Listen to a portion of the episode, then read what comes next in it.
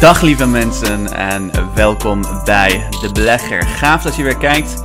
Welkom en zoals altijd gaan we het hier hebben over alles wat er op de financiële markten en op de beurzen aan de hand is. En zoals ik begin van deze week zei, er zal meer volatiliteit komen. Het is tijd voor volatiliteit, want aan het einde van deze week, dat is dus morgen, komen de CPI-cijfers uit en vandaag zijn ook de jobsnummers uitgekomen. En dat is wat we tijdens deze uh, aflevering gaan bespreken.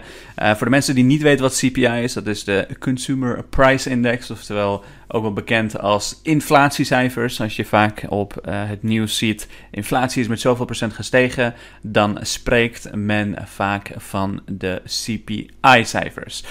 Dus, die komen morgen uit. Morgen om 8 uur 30 Eastern Time. Volgens mij is dat uit mijn hoofd zo'n half drie of iets dergelijks. Um, maar pin me er even niet op vast. Ik uh, ben even kwijt. Ja, volgens mij is het half drie of iets dergelijks in de, in de middag. Um, dus dat worden interessante cijfers. En we gaan bespreken wat die cijfers zullen zijn. En wat ook natuurlijk een stukje impact is die ik zelf verwacht. Ik kreeg ook een vraag van een van de kijkers. Hey Rabi, hierbij even de voice memo. Ik vroeg me af van, uh, ik verwacht dat de inflatiecijfers hoog zullen zijn morgen. En uh, wat dan het effect is op de beurzen daarvan. Uh, ik kreeg best wel veel van dit soort vragen, maar Ertan vraagt in dit geval wat de effecten gaan zijn van de hogere inflatiecijfers. Dus dat gaan we zo meteen bespreken. Wat gaan die effecten zijn? Hoe gaat de beurs reageren? Um, ik weet het natuurlijk ook niet. Ik weet ook niet hoe de beurs gaat reageren. Als ik dat wel wist, was ik on ontiegelijk rijk geworden. Maar ik kan je wel vertellen wat ik denk dat er gaat gebeuren op basis van een stukje ervaring.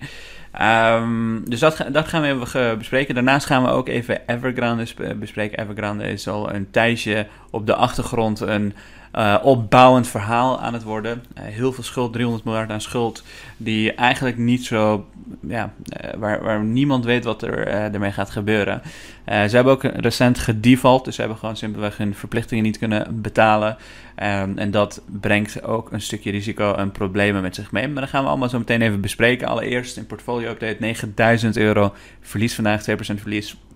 Alle beurzen in het rood, vrijwel elke beurs die je kunt voorstellen, staat gewoon gloeiend uh, rood. Um, ja, wat moet ik er meer van maken, jongens? Alle, alle beurzen staan gewoon simpelweg in het rood. Zoals je weet, de beurs is eigenlijk een beetje zoals uh, Dory de de, het sentiment die verschuift van het ene moment op het andere moment. En uh, de afgelopen weken heb ik jullie al heel vaak gewaarschuwd dat dat uiteindelijk zou gaan gebeuren. Nu zitten we er middenin. En de vraag is, waar gaan we straks heen als die cijfers bekend zijn gemaakt. Als we meer weten over inflatie, als we, uh, of wanneer we meer weten over inflatie, wanneer we meer weten over wat de effecten ervan zullen gaan zijn, wat gaat er dan de komende tijd gebeuren? En grappig genoeg uh, zijn er natuurlijk heel veel bedrijven die een aantal prognoses hebben gesteld. Laten we even kijken naar Bijvoorbeeld dit artikel van Axios.com. Um, the Consumer Price Index has replaced the jobs report as the most anticipated data drop by the US government.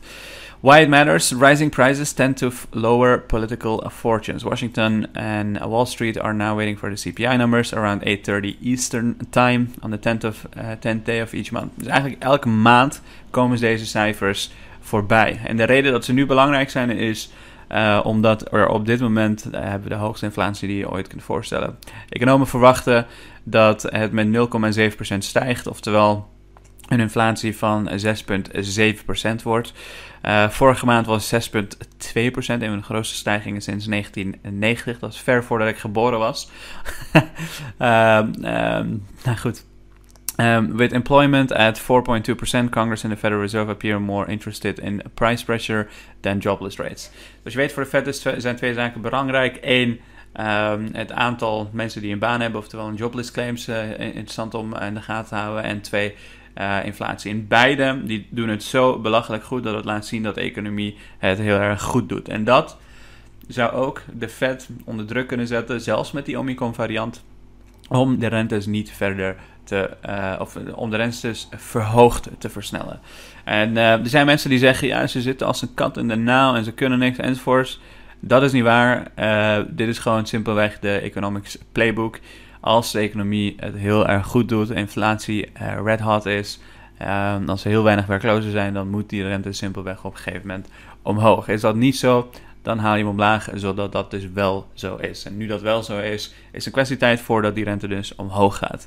Ehm, geleidelijk zal die waarschijnlijk omhoog gaan, niet in één klap. En over de loop van tijd heen zullen we de, de, de, de resultaten merken.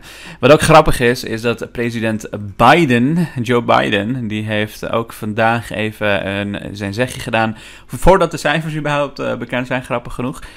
Dus hij maakt zich ergens wel zorgen. Inflatie is natuurlijk heel politiek. Hè? Het raakt vooral een hele, um, een, hele kwetsbare doelgroep die het al heel moeilijk heeft. Als jouw, um, als jouw boodschappen 7, 8% duurder worden per jaar of uh, ja, 7, 8% duurder worden per, per, per jaar. En je leeft van maand tot maand, van paycheck tot paycheck. Dat is een hele kwetsbare doelgroep die hier gewoon simpelweg geraakt wordt. En wat hij zegt, is ook iets wat interessant gaat worden de komende twee, drie maanden. Is the information being released tomorrow on energy in November does not reflect today's reality. And it does not reflect the expected price decreases in the weeks and months ahead, such as the auto market. Biden said in an unusually long statement issued ahead of Friday's data. Oftewel, Biden waarschuwt en zegt: um, wat jullie gaan zien morgen is niet de werkelijkheid vandaag. Want de energieprijzen zoals gas en olie, die zijn ontiegelijk uh, volatiel en die, gaan, die zorgen er eigenlijk op dit moment ontzettend voor dat inflatie zo hoog lijkt. Want uh, energieprijzen zijn echt serieus de pan uitgestegen. Uh, volgens mij is de gasprijs op een gegeven moment iets van 400% uh, gestegen of iets dergelijks. Uh, als je je eigen gasprijzen, als je eigen energierekening hebt gezien, ook als je aan de, tanken, aan de, aan de pomp aan het tanken bent, dan weet je dat dat soort prijzen erg volatiel zijn en dus hard gestegen zijn. Um, en Biden die waarschuwt dus al mensen van tevoren om daar um, de, de, dat de cijfers die um, nu eigenlijk naar beneden zijn gegaan. Want die, die, die, energieprijzen zijn fors naar beneden gegaan. Olie is naar beneden gegaan. Gas is een stukje naar beneden gegaan. Gaat inmiddels wel weer omhoog overigens, omdat het overal wat kouder is. Maar die prijzen zorgen dus wel voor dat er veel, fors hogere inflatie is dan dat je zou willen. Um, maar ongeveer 6,7% wordt verwacht. Ook als je kijkt naar dit stukje van uh, Bloomberg, dan zie je dat er wordt verwacht dat we ergens hier het richting de 6, 7% gaan. En dat we ergens volgend jaar uh, weer naar beneden zullen duiken. Dus interessant om in de gaten te houden. Zelfs in Q1 2022 wordt er dus verwacht dat we richting de hogere percentages aan inflatie zullen zitten. Ook Europa, die zal dat uh, hebben. Dus we zijn nog lang niet van inflatie af. De vraag is, hoeveel hoger gaat het zijn?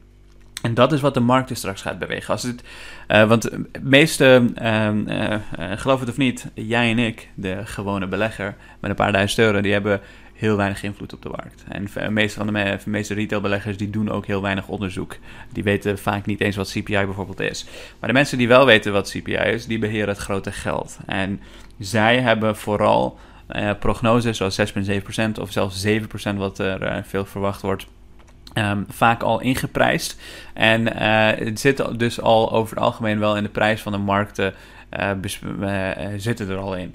Alleen als we echt een belachelijke verrassing krijgen, dus bijvoorbeeld dat de CPI uiteindelijk 8% of zo blijkt te zijn, ja, dan wordt het een chaos, jongens. Uh, dan, dan, wordt het een serieus, dan kan het een serieuze chaos worden. Nogmaals, alleen mijn mening. Ik handel niet op dit soort gegevens.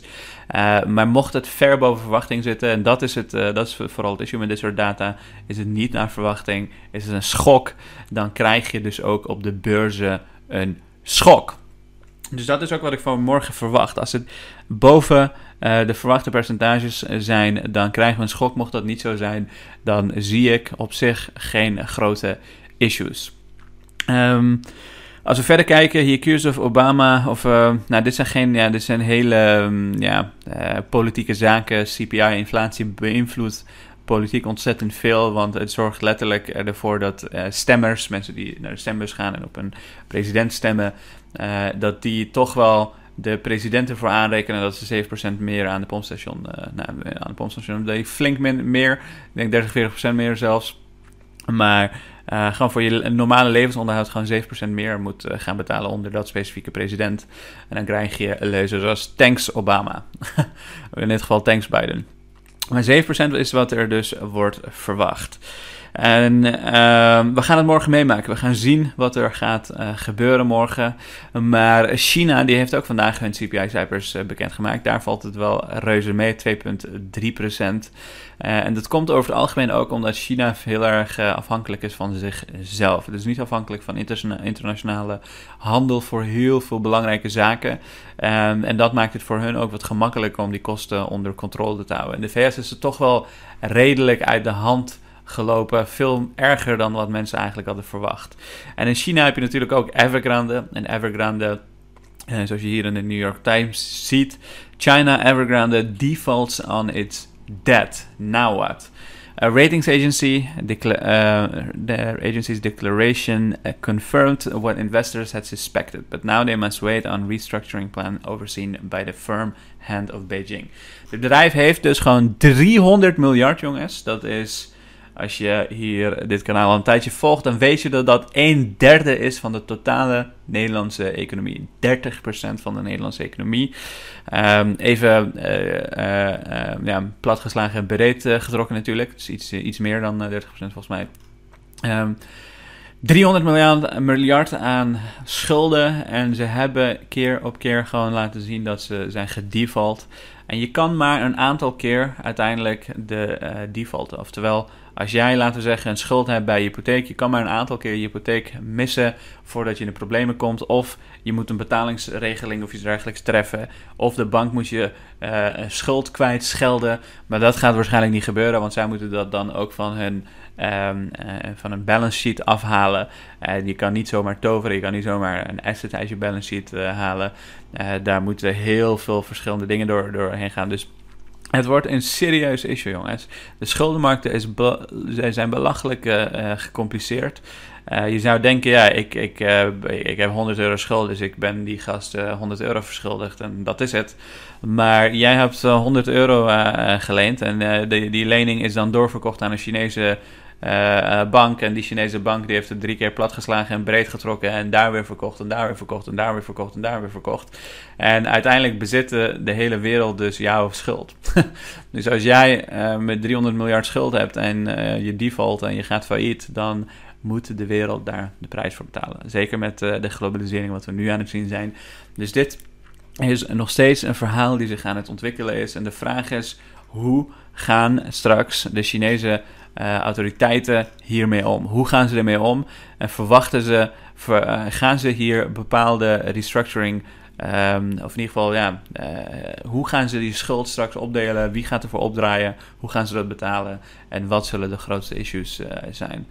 Um, en als het serieuze issues zijn, dan zou het dus kunnen betekenen dat grote financiële instellingen en dergelijke failliet kunnen gaan. Het hele vastgoed uh, markt van China is eigenlijk één enorm ontiegelijk rotzooi geworden. Er zijn heel veel andere bedrijven die precies dezelfde issue hebben. Wel met minder schuld, maar precies dezelfde issues hebben en hun schulden niet kunnen afbetalen. En daarmee hebben we de aflevering van vandaag gehad. Ik denk als, als de verwachtingen veel erger zijn, of als de cijfers veel erger zijn dan verwacht, dan gaan we gewoon simpelweg omlaag omdat dat niet ingecalculeerd is. Maar mocht het meevallen, uh, dan uh, ja, is er eigenlijk niets anders veranderd in de, in, in de thesis die, we, die er tot nu toe al was voor, door heel veel verschillende banken en instellingen. Biden stelt mensen echter niet gerust. Um, hij, waarschuwt, uh, hij is in principe voordat die cijfers al uh, naar buiten zijn gekomen, is hij gaan zeggen: hey, let op, het is echt niet zo erg als dat, dat je denkt hoor. um, dus het wordt interessante, interessante tijden, jongens. Ik hou jullie hier up to date. Dank voor het kijken en nog